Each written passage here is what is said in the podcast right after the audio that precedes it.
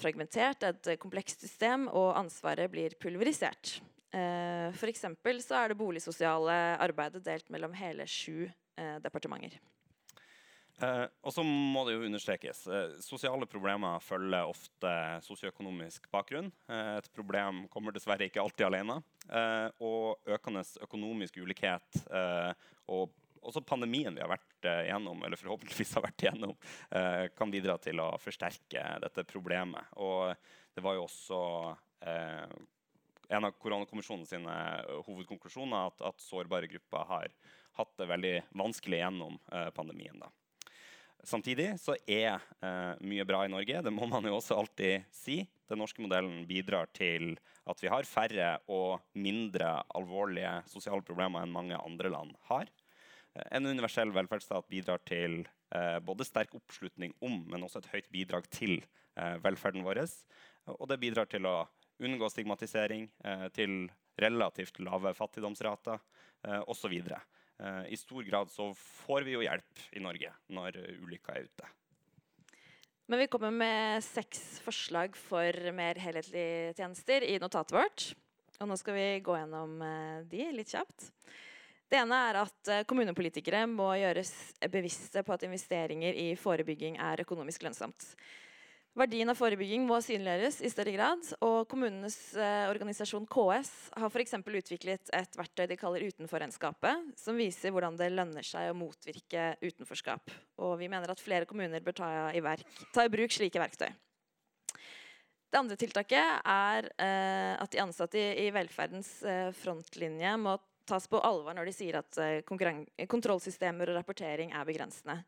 Det går utover oss som eh, innbyggere, som om hjelpen eh, vi skulle fått i møte med velferden vår, og om unødvendig tid blir brukt på PC og rapportering. Derfor trenger vi en tillitsreform, bl.a. for å rydde opp i unødvendig detaljstyring. Da er vi på punkt tre. Eh, sosialpolitikken må eh, samordnes bedre på departementsnivå. Dette er som vi har nevnt, veldig komplekst. Uh, og en mulighet er å gi ett departement et tydeligere ansvar for koordinering av sosialpolitikken. F.eks. et uh, tungt departement som Arbeids- og inkluderingsdepartementet. En annen tilnærming er å flytte flere sosialpolitiske oppgaver inn i et departement, og kanskje da også med en egen minister med et særlig ansvar for den porteføljen. Et annet tiltak er å se på bemanninga i helsetjenesten, eh, der vi foreslår mer eh, tverrfaglig bemanning. Eh, helsa vår avhenger ikke bare av rent medisinske, diagnostiske forhold, men også sosiale, økonomiske, miljømessige forhold. Med flere ans ansatte med kompetanse på sosialt arbeid så kan flere få hjelp med alt fra familie, arbeid til kontakten med det offentlige. Og så mener vi at Nav må gjøres mer tilgjengelig. Selv om mye fungerer godt i Nav i dag, så opplever mange også å møte en stengt dør eller kronglete kontakt over telefon. Eh, noen problemer er rett og slett eh, vanskelig å løse uten å treffe en Nav-ansatt, og det sosiale arbeidet forutsetter et fysisk møte mellom mennesker. Eh, derfor så mener vi at det bør innføres en nasjonal bestemmelse på åpningstidene på Nav-kontor, og at alle kommuner bør opprette en vakttelefon som innbyggerne kan nå gjennom Navs nasjonale kontaktsenter. Mm. Eh, siste av eh, forslagene som vi tenkte å ta, ta, opp her nå, er å avvikle de private innslagene i barnevernet. Eh, bruk av konkurranse og markedsretting bør begrunnes særlig i velferdsstaten og ikke være utgangspunktet. Eh, tjenestene i barnevernet gis til sårbare grupper, eh, sårbare barn med særs eh, komplekse behov til dels. Og det er også sånn at det omfattende kontroll- og tilsynssystemet som må eksistere på et sånt sensitivt område, det undergraver også eventuelle positive sider med markedsmekanismer. Det var det vi hadde tenkt å si fra rapporten. Jeg håper dere leser den. Eh, og jeg håper resten av eh, frokostmøtet blir bra og, og, interessant for dere. Og så vil vi bare tusen, si tusen takk for samarbeidet med FO.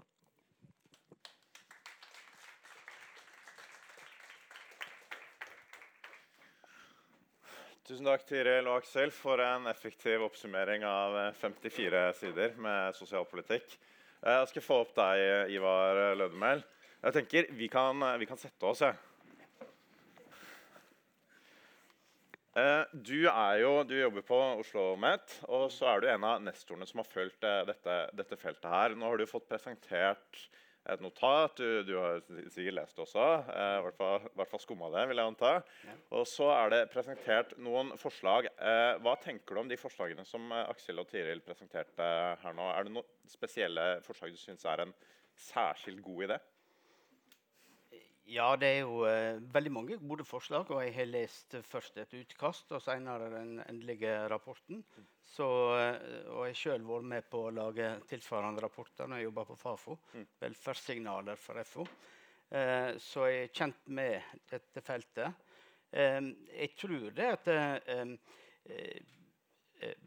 viljen til å, til å utvikle spesielt Nav-systemet nå Eh, i en mer sånn eh, eh, helhetlig tilnærming er veldig viktig.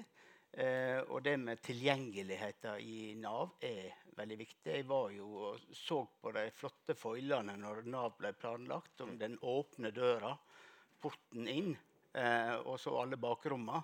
Men så ble jo døra den ble jo mer eller mindre stengt. Mm. Og det, det er et, et, på en måte et slags løftebrudd. Mm. Um, og spesielt vil det slå ut uh, sterkt for de som treng, trenger mest å komme inn den døra. Mm. Så, uh, så, det har jeg sans for. Uh, og når det gjelder dette med private, så er det et veldig politisk uh, tema å, å, å, ta opp. Um, men vi skal ikke ha vi skal ikke være naive. Jeg husker jeg ble kontakta av noe som heter Maximus, det største globale selskapet på aktivering nå.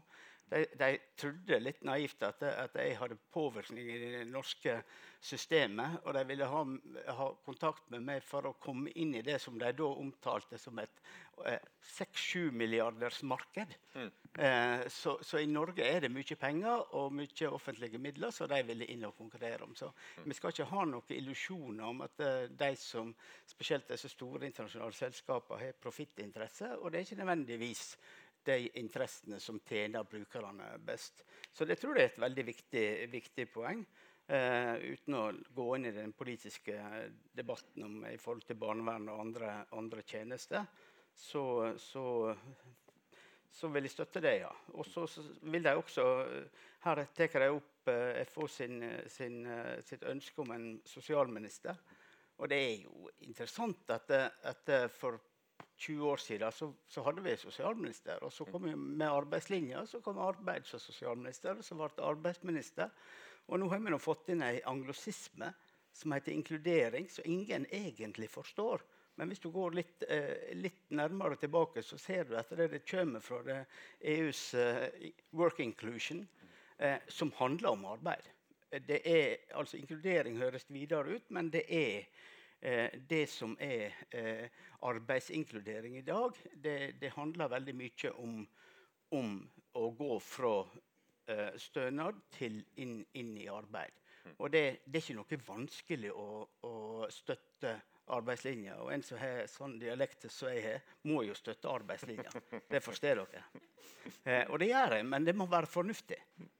Og eh, kanskje at det, vi, vi, er veldig individretta i arbeidslinja også. Og det, det, å utfordre oss på, som samfunn på at vi har et ansvar for å åpne portene inn i arbeidslivet, altså det som der eh, arbeidsgivere, ikke minst de offentlige, eh, må være mer åpne for å ta, ta inn folk. For vi ser nå, selv med denne lave arbeidsløsheten som vi har for tida, så er det veldig mange som står utafor. Og det, det, hjelper ikke å sminke CV-en deres. Og det hjelper, altså alle disse tiltakene som er satt i gang.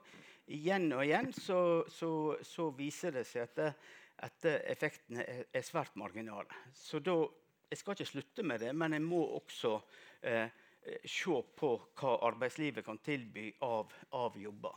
Vurdere eh, sånne ting som mer varige lønnstilskudd og, og den slags ting og ta kampen med Finansdepartementet på det. Hmm. Bra. Eh, du starter jo med det forslaget om åpningstidene til, til Nav. Og Det toucher jo inne på noe av det samme som vi så under koronapandemien. nettopp at man man klarte ikke å nå ut til alle deler av befolkningen ved hjelp av digital kommunikasjon. Tror du offentlige myndigheter i Norge har overvurdert hvor digitale befolkningen er? Ja, det tror jeg. Og jeg, jeg tror det er også administrasjonen på Oslo Met overvurderer hvor digitale professorene er. Eh, så, så, så ikke, en trenger ikke å være veldig marginal i samfunnet for å ha det problemet. Så, ja, så lengre kontortider på Oslo Met er også neste skritt. Eh, du har jo fulgt dette eh, feltet en, en, stund, og du er jo så vidt inne på det. Men har eh, altså sosialt arbeid har det den samme plassen i velferdssamfunnet i dag som for 30 eller 50 år siden? Eller hvordan ser du på denne utviklingen? Eh, sosialt arbeid Historisk så har det hatt to storhetstider. Det var i slutten av 1800-tallet. Da var det helt ledende i de, i de sentrale eh, intellektuelle diskusjonene rundt det som i Norge handler om arbeiderspørsmålet. 'The social question' på eng engelsk. Mm. Eh, som, som, det handler om hvordan møte fattigdommen i det nye industrisamfunnet. Eh, så der vokste opp en profesjon som heter sosialt arbeid. I Norge kom dette mye seinere som en profesjon, først på, på 50-60-tallet. Så da gikk det fra å være veldig marginal, lite profesjon til å til å få en, en uh, privilegert plass i, det, i oppbygging av den sosiale tjenester i kommunene. Mm. Og der he, så, så uh, spesielt uh, sosionomene har jo vokst med utviklinga av de sosiale tjenestene, som før var styrt av lekfolk. Uh, men som da ble profesjonalisert, og staten gikk, ga ekstra penger for å tilsette sosionomer i en lang periode. Slik at det, det har blitt et domene som, som, som sosialarbeiderne har fått dominert. Mm. Og det blir eh, utfordra med Nav-reforma. Mm. Da må en forholde seg til, til, til andre profesjoner og, og, og uh, kollegaer. Eh, og en må også forholde seg til et, til et annet system. som er Nav-reforma er jo veldig mye eh, dominert av eh, en av partene som inngikk i det, nemlig arbeidssida, gamle A-etat. Arbeidsdirektoratet jo, det viser jo evalueringa. Eh, at det er veldig, veldig de, de, som får satt sitt stempel på den faglige utviklinga. Og når da også de blir eh, profesjonsblinde, som et bevisst valg i å rekruttere folk, så blir det en utfordring for, eh, for profesjoner som har vært vant med å og liksom ha sitt arbeidsfelt. Mm. Eh, altså Hele sosialfeltet og velferdstjenestene er jo i en konstant spenning mellom som du er litt inne på, tillit og kontroll. Mm. Eh, og den, Det panelet som kommer opp etterpå, skal få diskutere tillitsreform, blant annet, som er viktig for denne, denne regjeringen. Hvordan ser du på den utviklingen historisk? Har vi gått i retning av mer kontroll på bekostning av tillit til de ansatte, eller har de ansatte fått eh, mer makt over hvordan eh, oppgavene løses, sånn som du ser det? Eh, ansatte i sosialtjeneste, eller kommunale sosialtjenester hadde, hadde veldig stor eh, makt over sine brukere i form av profesjonelt skjønn. Jeg mm. selv jobba i den tjenesten og så hvor mye makt den faktisk hadde. så, så den, eh, den, eh, den skjønnsmessige makta er kanskje redusert at etter en må forholde seg mer til, til regelverk. Og jeg tror ikke det er bare dårlig. at, en, at en må mer stå opp for det en, det en er med å beslutte. Siden uh, tusenskiftet, hva ser du som de største endringene innenfor sosialpolitikk og sosialt uh, arbeid? Eh, jeg tror at uh, innenfor sosialpolitikken så er det jo utviklinga av arbeidslinja. Uh, arbeidslinja har jo altså skal både motivere, men også sanksjonere. Og den sanksjonssida, nattsida som noen kaller det, mer sånn rett og plikt, mm. den, den starta i Norge som i alle vestlige land med, med å, å eh, målrette mot marginale grupper. Mm.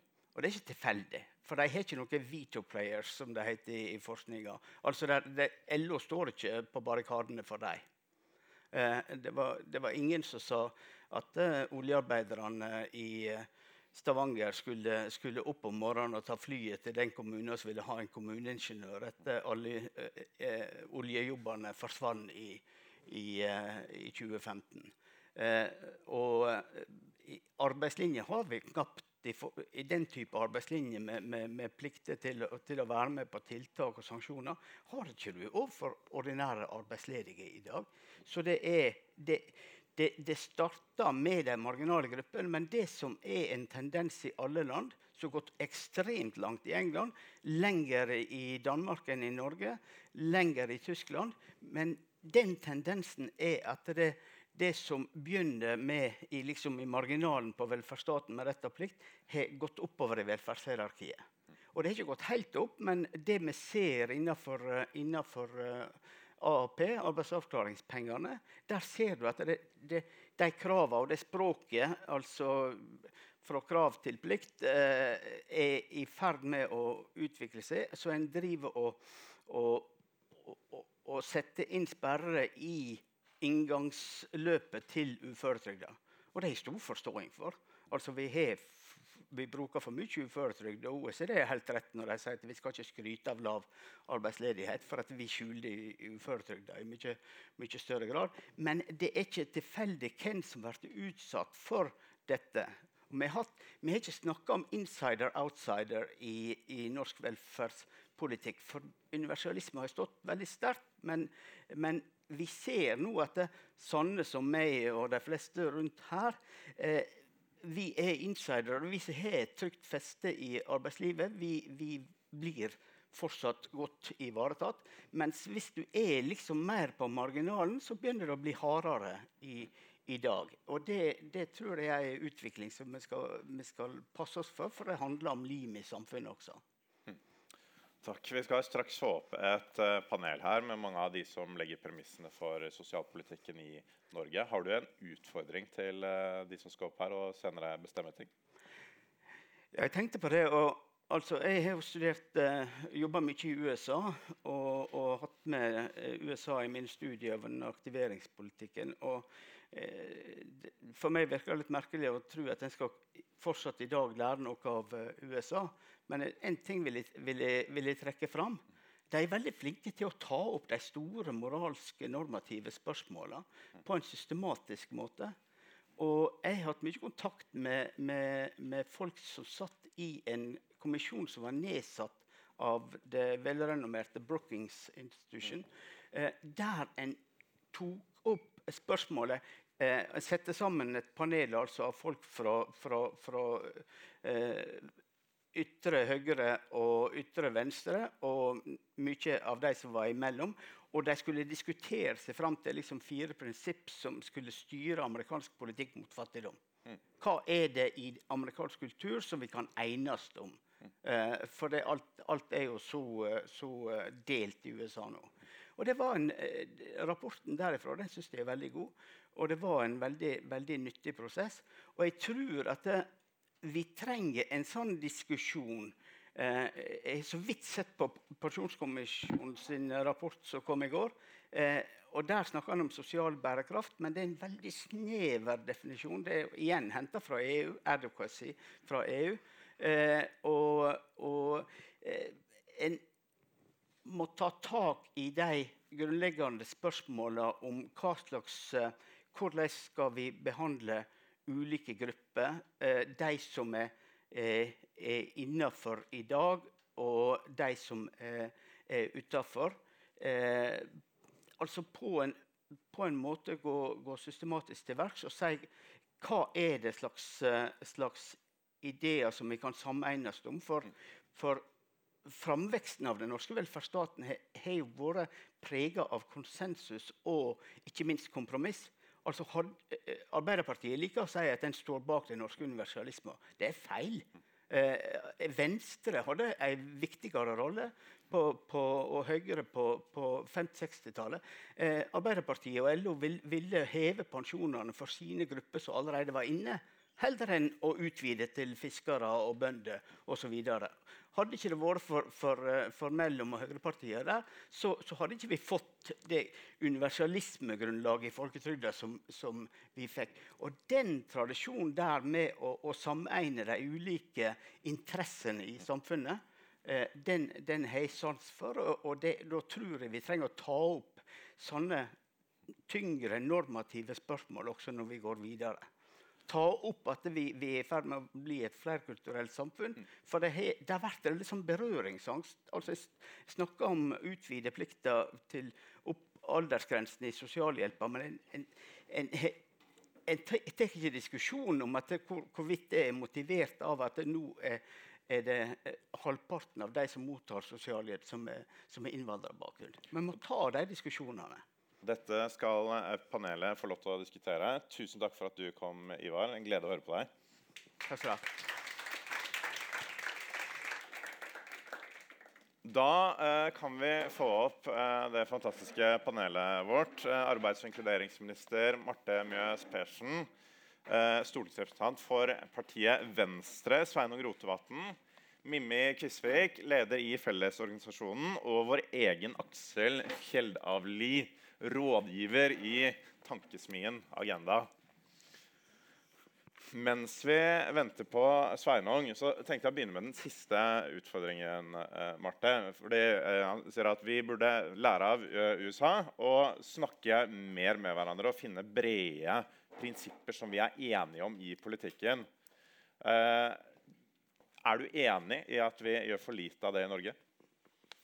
Eh, altså, i, i, Norge gjør vi jo det egentlig i ganske stor grad. Altså, eh, Diskuterer problemstillinger og eh, løfter de opp på bordet. Og, og klarer å ene som veldig mange. Altså, jeg har jo min bakgrunn fra lokalpolitikken og i bystyret i Bergen. så sikkert mange som tenker at, eh, at bergenspolitikken er full av konflikter hvis man liksom leser overskriftene i BT eller BA. Men sannheten er jo at, eh, at, ekstremt mange vedtak i Bergen bystyre mm. gjøres enstemmig eller nesten helt enstemmig. Eh, og, og, jeg mener jo at det faktisk er viktig at vi også har konfliktlinjer og skillelinjer i politikken. fordi at det er nettopp noe av det som driver det fremover. Eh, mine argumenter blir ikke gode av at eh, Sveinung jatter med meg. Mine argumenter blir gode av at vi møtes eh, i å utfordre hverandre. Eh, og det samme med Sveinung sine argumenter blir bedre av at jeg utfordrer hans. Så jeg tenker at, eh, at den, eh, måte, dynamikken i politikken som, eh, som, handler om det, den er faktisk også viktig å ha med seg. Eh, og at vi har en mye mer konsensusorientert eh, politikk. Bare, nå ble jo pensjonssystemet vårt nevnt eh, helt på tampen her. Men det er jo et sånt eksempel. At, der man har prøvd å finne brede flertall eh, over lang tid, nettopp for å sikre stabilitet rundt systemet. At ikke det skal eh, kastes om eller omveltes hver gang man skifter regjering. Hva tenker du om uh, dette, Sveinung? Er det et paradigmeskifte fra deres regjering til Arbeiderparti-Senterparti-regjeringen innenfor sosialpolitikken?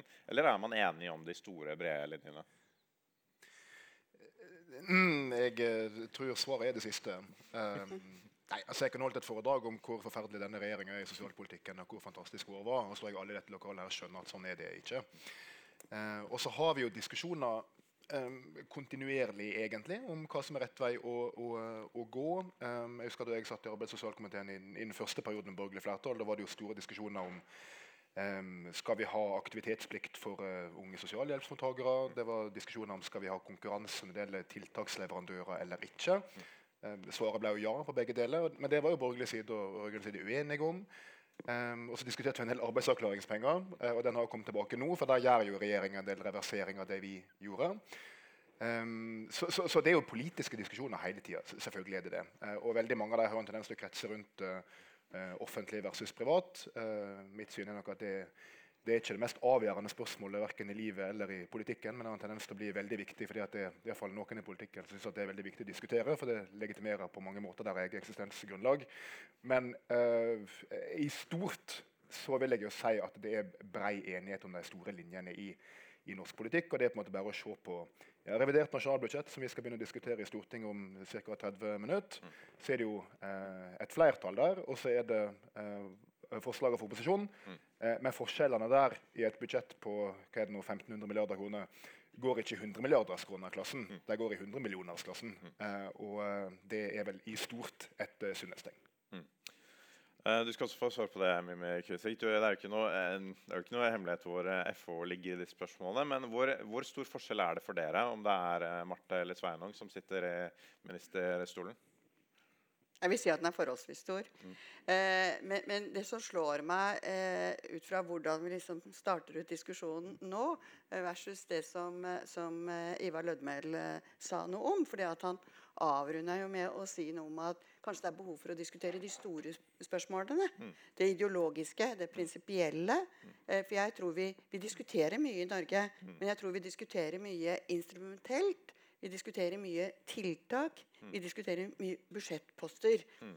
Eh, men den store diskusjonen, den store normative diskusjonen, tror jeg det absolutt, sånn som Ivar er eh, innom, er det behov for å, å, ta.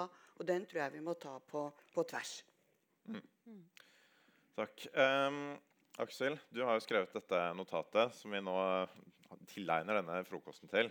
Hva vil du, Hvis du skal peke ut ett særlig viktig forslag derfra, hva er det viktigste at dette panelet her løper videre med? Mm. Ja, uh, Hvis jeg kan ta videre litt den tråden som Mimmi kasta opp, og, og, og si, si, heller noen ting om uh, hva jeg skal si, hovedtrekkene heller enn de konkrete enkeltpolicyforslagene, så, så tenker jeg det handler om to ting. da. Uh, det ene handler om at man må få en mer helhetlig tilnærming både i eh, sosialpolitikken og nede på, på bakken i det, det sosiale arbeidet. Eh, man må se eh, brukerne, eller hva man velger å kalle dem, som eh, personer med helhetlige behov. Klare å koordinere på overordna nivå. Så det å få til et sånn helhetsperspektiv er viktig. Og så handler det om eh, rommet for eh, sosialt arbeid, som har et press mot seg fra eh, ulike retninger. Så man må som politiker da være bevisst på f.eks. når man har konkrete ambisjoner sånn eller sånn, hva, hva, har de nye mål- og rapporteringskravene det innebærer? Hva har det å si for mm. det sosiale arbeidet som utøves i førstelinja, f.eks.? Mm. Og hvis du likevel skal velge ut ett forslag som er særlig viktig? Um, jeg tenker tillitsreform er et sånn uh, større, helhetlig eh, forslag som, som eh, vil kunne bidra til disse tingene her. Hvis jeg skal trekke fram én ting, da. Mm.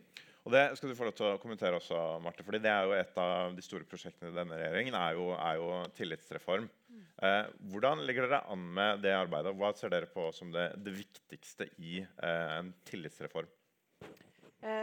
Eh, for å begynne med akkurat det siste, da, eh, så mener jeg at det aller viktigste i tillitsreform det er jo at de ansatte i Nav eh, For det er Nav jeg snakker om da når jeg snakker om tillitsreform i min sektor, eh, det er at de kan bruke sin faglighet. Mm.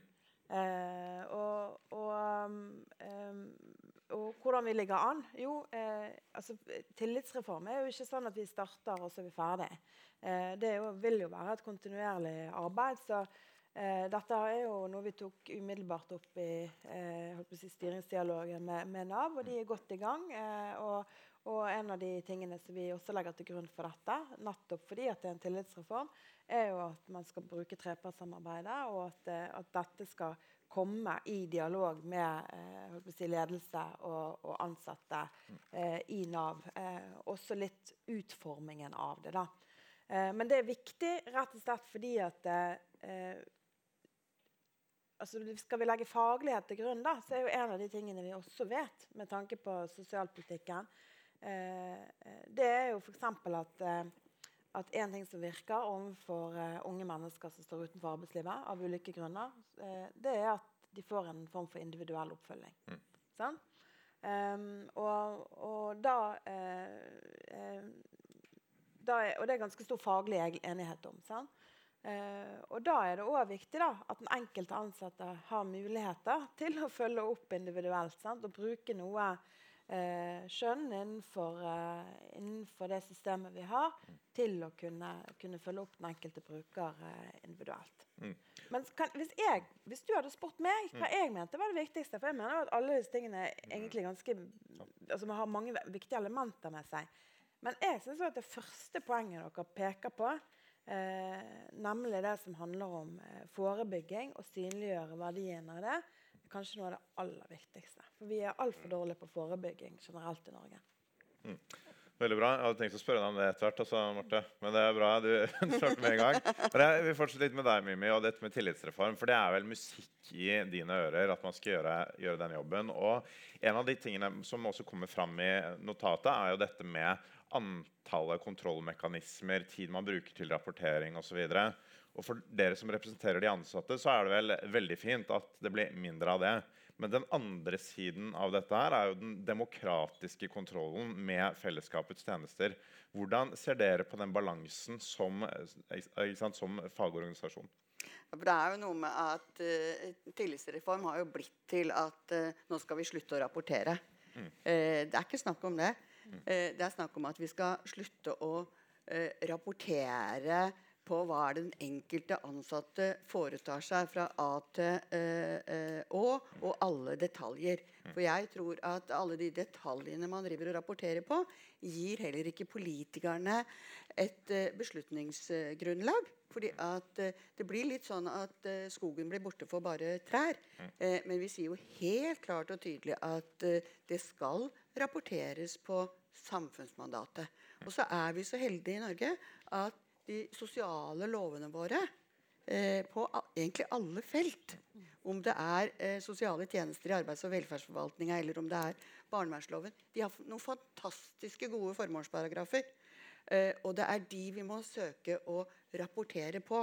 Eh, om vi eh, har en type eh, innsats som samsvarer med at vi beveger oss mot uh, formålet, og ikke en helt annen uh, retning. Er du enig i det, Sveinung? Du har litt erfaring fra apparatet. Er, altså, politisk ledelse, Aksepterer man for mye at det rapporteres på antall møter og aktiviteter istedenfor oppnådde resultater fra underliggende etater? Um, jeg, tror at årsaken til at det blir sånn i veldig mange etater, ikke bare i sosialtjenesten, men alle andre, er jo uh, i stor grad politisk. Uh, fordi til stadighet dukker det opp problemstillinger som noen starter en aksjon for, og som blir en greie på Stortinget om at nå må vi styrke likestillinga og miljøet og bærekrafta og det ene og det andre. Og alt det ender til slutt opp med et rapporteringskrav. Det, det er veldig viktig å huske. Det, det er sånn det skjer. Og så er det ganske vanskelig som politiker tror jeg, i hvert fall som statsråd, å sitte og renske dem vekk. Og si at nei, nå skal vi slutte å rapportere på det. Og nå skal vi slutte å rapportere på det. Og da skal jeg love deg at opposisjonen på Stortinget og media og organisasjoner kommer til å si ja, hvorfor det? Er ikke det viktig å vite noe om, da? Eh, og dette er ikke noen unnskyldning, det er bare å forklare dynamikken, tror jeg. Og det tror jeg er ganske ukontroversielt å, å si. Eh, og jeg vil si at det er ikke alle prosjekter til denne regjeringa som jeg håper de lykkes med. Eh, Jeg håper f.eks. ikke de lykkes med denne stadige oppdelinga av kommuner og fylkeskommuner. og sånt. Eh, Men jeg håper de lykkes med tillitsreformen. Fordi jeg, det, selvfølgelig. Jeg, er kjempefor at eh, offentlig ansatte i alle etater skal kunne bruke sin faglighet, bruke tida på det som betyr noe, ikke føle at de kaster vekk kompetansen sin og driver med rapportering om ting som ikke er så fryktelig viktige, som ingen leser. Selvfølgelig. Så eh, jeg ønsker dere all hell og lykke i det. Og så vet jeg at det der er veldig krevende å få til. Og så tror jeg alle skjønner det at du kan ikke gi en etat ta Nav som et eksempel. Du kan ikke gi en etat med 20 000 ansatte som forvalter en tredjedel av statsbudsjettet, frie tøyler og sier lykke til, vi håper at dette går så bra som mulig. Alle skjønner at det går ikke an. Eh, men jeg tror at litt det du spør om, nemlig skal du sitte og rapportere på aktivitet eller skal du rapportere på resultat, er en veldig viktig forskjell. Jeg mener det er veldig viktig at en styrer i stort med mål, målstyring som det heter. Og så får du frihet innenfor faglig til å nå de målene, i stedet for å telle de aktivitetene du gjennomfører. Mm. Altså, noen mener at målstyring faktisk er en ganske viktig del av det utskjelte New Public Management, men det kan en sikkert diskutere. Eh, bra, takk Shanong. Eh, Aksel, du som har gjort denne undersøkelsen og snakket med en del av de som, de som jobber i sosialtjenesten, kjenner du deg igjen i det, det Sveinung beskriver? Er, det, er frustrasjonen på at man må rapportere for mye på aktivitet, eller er det et annet sted skoen trykker, sånn som du, du ser det? Altså, hvis jeg skal Beklager. hvis jeg skal si noe overordna om eh, hvis, I den undersøkelsen så ble jo folk bedt om å skrive litt i fritekst også, om hvordan de, de, opplever ting. og Hvis jeg skal si noe overordna, så handler det om en frustrasjon over tid. da. Eh, man har lyst til å bruke tid med brukerne og ikke bruke tid foran, foran PC. Og Noe av det handler jo selvfølgelig om eh, rapporteringskrav, kontrollsystemer, men jeg tror også noe handler om hvordan vi tenker rundt digitalisering og digitale løsninger. For det er liksom den der tid foran PC er en type sånn uh, gjenganger da, i, i, en del av svarene. Um, og, og, jeg tenker at en del av de digitale systemene vi har uh, innført, ikke har tenkt nok på hvordan funka det i praksis? Hvordan oppleves det for den ansatte? Man har bestilt inn ting, og så er det ikke nødvendigvis det som eh, funka godt her. Kanskje er det utvikla i et annet land osv. Så, videre. så jeg, jeg, tror det er en viktig del av tillitsreformen er å også tenke på tillitsbasert digitalisering. Eh, mm. Mm. Har du en kommentar til det, Marte? Ja, nei, jeg, jeg, er enig i det. Jeg har bare lyst til å nevne at en, en annen viktig del av tillitsreformen i Nav Eh, for vi, nå snakker vi jo liksom om tjenestene og hvordan de ansatte skal bruke sin faglighet. og sånn. Men, men, for meg er det også brukermedvirkning. Mm. Altså, eh, når vi snakker om sosialpolitikken, eh, så er det et viktig perspektiv at vi hele tiden også lytter til de som bruker tjenestene, mm. eh, og, og, at de også har eh, innsikt i sitt eget liv og vet ofte også godt hva som skal til for at de kan oppnå F.eks. mål om å komme i arbeid, eller mål om å bli friskere, mm. eller mål om å bli rusfri, eller hva det måtte være. Eh, så, så, har de mye kunnskap om sin egen hverdag, eh, og den må vi òg benytte. Mm. Men Fins det noen motsetning der mellom eh, involvering av brukerne og tillit til de ansatte? Nei, jeg mener ikke det. Jeg mener at det tvert imot eh, vil utfylle hverandre veldig godt. Eh, eh, nettopp fordi at da, da kan de hvis vi klarer å frigjøre den tiden, da, sånn at de kan ha den samtalen og den dialogen, så, så når vi det. Og så kan vi også gjøre det på systemnivå, eller vi gjør det jo på systemnivå. Sånn med brukerråd og brukermedvirkning og eh, ansatte med erfaringsbakgrunn, f.eks. Sånn, ja. Mm.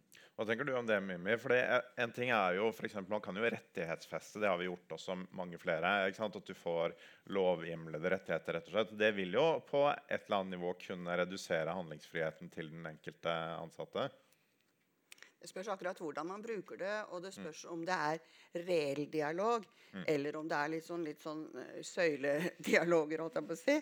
Eh, så jeg, jeg, tror det er viktig å holde fast ved at eh, tillitsreform handler om en tillit som går alle veier. Det handler om en eh, tillit eh, mellom politikere, eh, ledere, eh, ansatte og brukere. men vi ser også at det er en tendens til at politikere snakker med brukere. Eh, vi snakker vi snakker sjelden sammen, liksom alle fire. Mm. Eh, og den norske modellen er jo reelt sett at man snakker sammen. Vi har jo tradisjonelt snakka om trepartssamarbeid. Og så sier vi nå at det er snakk om et firepartssamarbeid, fordi at brukerne skal også involveres. Men jeg tror at det er å snakke om felles temaer på den samme arenaen er av vesentlig betydning. Og så er jo eh, eh tillitsbiten mellom eh, ansatte og brukere eh, veldig avhengig av at man får bygd gode relasjoner. Mm. Og relasjonskrevende yrker krever tid. Mm. Og det sier de jo veldig mye om i eh, undersøkelsen. Den der tidsfaktoren. Mm. Det å ikke strekke til den skvisen som eh, sosialt arbeid eh, står i. Takk. Eh, jeg vil bare dra en litt sånn prinsipiell eh, skille her, som går igjen i notatet. Aksel. Fordi Dere skriver jo fra denne undersøkelsen at mange opplever at det er knapp økonomi i tjenestene. Det gjelder alle, alle tjenester. Og det er vel liksom kjernen av velferdsstaten er vel at du kan helle på uendelig med penger, og det vil fortsatt være, være knapphet på ressurser. Og så uttrykker dere en veldig sånn skepsis i notatet over ulike former for markedstenkning også innenfor offentlig sektor. Men så er vel grunnen til at man tenker sånn, er vel nettopp for å fordele knappe ressurser, som det alltid vil være mangel på, på en effektiv måte. Hvordan eh, tenker dere når dere har skrevet i notatet her, at ressursene som alltid vil, Det vil alltid være et skrik om mer ressurser. Det er ikke tid for å øke statsbudsjettene veldig. Hvordan burde man tenke rundt fordelingen av ressurser innenfor uh, sosialfeltet? Ja, jeg, må bare si helt først om uh, det, liksom, bruk av markedsmekanismer for måte, at det skal være lønnsomt, det forutsetter jo at det faktisk er det. Eh, og det er det jo ikke alltid. F.eks. når vi trekker fram barnevern, så er det jo en tanke om at her er det nødvendig med såpass mye eh, kontroll, eh, såpass mye tilsyn, at du, du, får liksom ikke den uh, gevinsten man kunne tenke seg kunne finnes på noen om, områder med markedsmekanismer. Når, uh, når, det gjelder fordeling av, av uh, ressurser, så en litt sånn kjepphest for meg er at man må uh, tørre å finansiere det som ikke vises like godt. Mm. Uh, og det gjelder i en del av de uh, tjenestene her. mange jobber i kommunen. Kommuneøkonomi er en sånn klassisk sånn ting som ah, det, det, er litt vanskelig for en nasjonal politiker å, å prioritere det like høyt, fordi det er så spredt ut på mm. mange mange ulike ting som det, det kommer til gode. Du klipper ingen snorer av å gi en halv milliard ekstra til kommunene. på en måte. Men eh, jeg tenker det er noe som er viktig at nasjonale politikere tør å prioritere. da. Mm. Er du enig i det, Sveinung? At vi bruker for lite på det som ikke synes? Ja, det er jeg helt enig i. Uh, og jeg synes Den aller beste delen av notatet er nettopp det, som handler om uh, forebygging. Uh, og Hvis vi bare klarte å fokusere på det, og ikke bare på å fikse ting seinere, så hadde Norge vært et mye mye, mye bedre sted. Det, det er utvilsomt. Så er problemet og grunnen til at dette ikke skjer. Ikke sant? Fordi dere skriver jo at vi må synliggjøre mer dette eh, i, i økonomiske termer for kommunene. At de skjønner hvor masse de sparer ved å investere i eh, god opplæring og barnehager og sosial, altså det ene og det andre. Problemet er jo at vi lever i et land der vi er veldig opptatt av likhet mellom kommuner. Og Det betyr at nesten uansett hva en kommunepolitiker gjør, så har det nesten ingenting å si. Mm. Fordi inntektssystemet for kommuner kompenserer for det seinere. Rett og slett. Så En kommune kan drive så dårlig forebygging enn den bare vil, og få forferdelige resultat på sosialstatistikken. Men de kommer til å få de pengene de trenger til å eh, betale ut sosialhjelp og ha det ene og det andre og gode tjenester. Fordi vi aksepterer ikke at det blir for stor forskjell mellom kommunene på den typen standarder og tjenester. Så, så det er jo en gordisk knute dette her, som er veldig krevende. Uh, en kunne tenke seg et system der kommunene hadde masse mer selvråderett. Eh, og der det ville lønne seg veldig for deg å drive med forebygging. For der ville få det igjen i andre enden. Men da måtte en akseptere det. Og det tror ikke noen vil. Så da må en finne en annen lur måte å måle det på likevel. Da, og skape noen økonomiske initiativ. Så, så jeg, jeg, sitter jo åpenbart ikke med løsninger. Jeg bare sier at uh, Det er en grunn til at dette er veldig vanskelig. Mm. Men det gjør kanskje du, Marte. Har dere en god, god, plan for å synliggjøre effekten av forebygging på en, på en bedre måte? Ne, men altså, Agenda peker jo i sitt notat eh, veldig tydelig på at eh, den norske samfunnsmodellen er forebyggende i seg sjøl. At med høy arbeidsdeltakelse eh, og relativt små økonomiske forskjeller og, og, en stabil økonomi, det er med på å, å, å motvirke eller begrense sosiale problemer. Eh, så denne regjeringen da, er i hvert fall opptatt av å utvikle den norske, samme, eh, norske, norske modellen.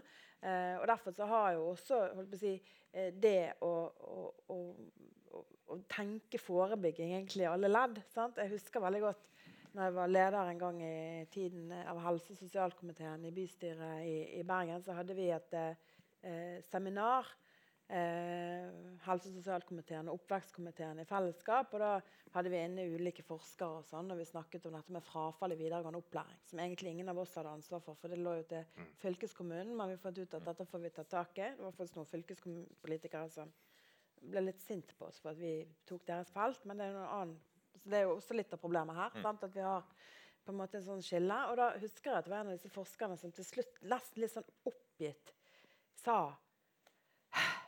vi vet jo egentlig hvem dette er allerede når de begynner i barnehagen. Mm. Eh, og, og, og, da er det jo da er det jo gjerne noe med at vi må også greie å sette inn innsatsen alle disse stedene. Da, sant? Det begynner i barnehagen, eh, eh, men det fortsetter i skolevesenet eh, fra første klasse til videregående opplæring. Eh, og, og, og, og, det går i arv til det som du var inne på i sted. Eh, så, så, hele tiden å, eh, å, jobbe forebyggende det er veldig krevende, eh, men det er også veldig viktig. Og Da kommer vi egentlig også litt til det som ble nevnt her. Sant? Dette med at det, eh, ble brukt som eksempel dette med det boligsosiale. At det for sett ligger på syv departementer. Og så tenker jeg sånn, Ja, samordning er viktig, men kanskje det aller viktigste eh, det er jo at alle, uansett hvor man er i forvaltningen, om det er på lokalt eller regionalt eller nasjonalt eh, nivå, eller om det er eh, innenfor helse, opplæring, byutvikling eller eh, arbeidslivspolitikken, at vi tenker på sosialt eh, forebyggende arbeid. Altså, så, så, ja, samordning på den ene siden, men samtidig så er dette noe helhetlig som gjør at vi er nødt til å tenke på det i alle deler av forvaltningen og politikken og, og opplæringen og sånn. da. Mm. Så takk. Eh, Sveinung, du skal få gå og lage budsjett. Ja, eh, takk for at du kom. Eh, vi andre skal avslutte eh, straks, vi også. Um, men jeg må bare avslutte med én ting, og det er Mimi. For dere har det jo vært viktig at vi har en egen sosialminister. Hvorfor det? Hvorfor ikke, kanskje? uh, nei, vi tror at det som uh, liksom gis fokus, får fokus. Mm. Og vi tror det er nødvendig å revitalisere sosialpolitikken. Mm. Uh, få en sosialpolitikk som gjennomsyrer eh, grunnlaget for all eh, politikk. Fordi at sosialpolitikk handler nettopp om å eh, sikre et inkluderende eh, samfunn liksom, gjennom alle de politiske eh, områdene. Eh, og jeg, jeg, tenker at det er helt nødvendig å liksom skru skruen litt ekstra til og få revitalisert dette her.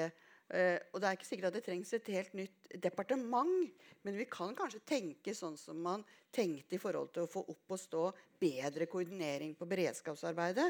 At man en periode hadde en beredskapsminister i Justisdepartementet f.eks. Mm. At uh, Marte hadde hatt en uh, sosialminister som sin støttespiller for å holde dette eksplisitte fokuset på sosialpolitikken. Det er ikke fordi at sosialpolitikken skal skvises inn i et sånn lokka departement for seg sjøl og sitte og pusle med sine ting. Det er faktisk talt for å eh, være eh, den som hele veien, også i regjeringa, eh, pirker borti ja, men hvilke sosiale konsekvenser gir dette her? Eh, hva har dette av muligheter i seg for å løfte de sosiale eh, utfordringene. I oppvekstpolitikken nå f.eks. Uh, når vi har en oppvekstreform på gang, så kan man ikke bare ta pengene i, i, barnevernet som må løse dagens oppgaver, og flytte dem over på, på forebygging. Da må man investere i forebygging. Mm. Uh, og så vil man få effekt på sikt. Mm. Uh, er du enig i det, Marte? Vil dere lage en egen sosialminister? Uh, altså vi, Departementsstrukturen den ligger jo sånn som den gjør. Eh, og jeg må jo innrømme at jeg faktisk er veldig glad for å være sosialminister. Eh, men at jeg også har arbeids- og inkluderingsfeltet, som jeg mener henger veldig tett, eh, tett sammen. Eh, og så er jo jeg enig i det som blir sagt eh, om at eh, man også trenger koordinering på feltet. men samtidig så opplever jo jeg sant? Jeg jobber jo veldig tett sammen med med Tonje Brenna f.eks. på det som handler om uh, unge og inkludering i, i, utdanning og arbeidsliv. Sant? Eh, vi jobber, jobber, med barne- og familieministeren. På, altså, så vi jobber jo sammen på dette feltet. Og jeg kan jo bare si at det, um, det er ikke gitt at man alltid får et høyere fokus på noe. Uh, fordi man har en Man kan også segmentere det mer. da. Eh, og jeg mener veldig det jeg sa i sted også, at jeg mener at sosialpolitikken, eh, sosial inkludering, det å motvirke forskjeller, løfte flere ut av fattigdom, flere inn i arbeidslivet, eh, det er et så viktig arbeid at egentlig skal alle jobbe med det. Og for en sosialdemokratisk regjering eh, så gjør alle det. Fra nærings til samferdsel til eh, eh, arbeid og utdanning. Så, og helse. Ikke minst helse.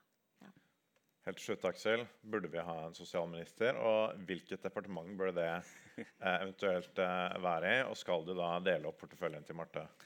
Eh, det var et stort, spørsmål. Eh, altså, vi har jo tilnærmet oss dette som at det er flere mulige innganger for å få til bedre koordinering og, og samordning. Det å ha en sosialminister kan man jo godt tenke så, sånn som Mimmi gjør, at det bidrar til økt synlighet og fokus på, eh, på feltet. Eh, og så er det jo eh, flere ulike, ulike, løsninger, sånn som jeg tok i innledninga på hvorvidt man bør ha et eh, økt samordningsansvar, bør man flytte rundt på noen uh, oppgaver osv. Hvis man ser til de ulike nordiske landene, så er det jo organisert på litt forskjellige måter. Mm.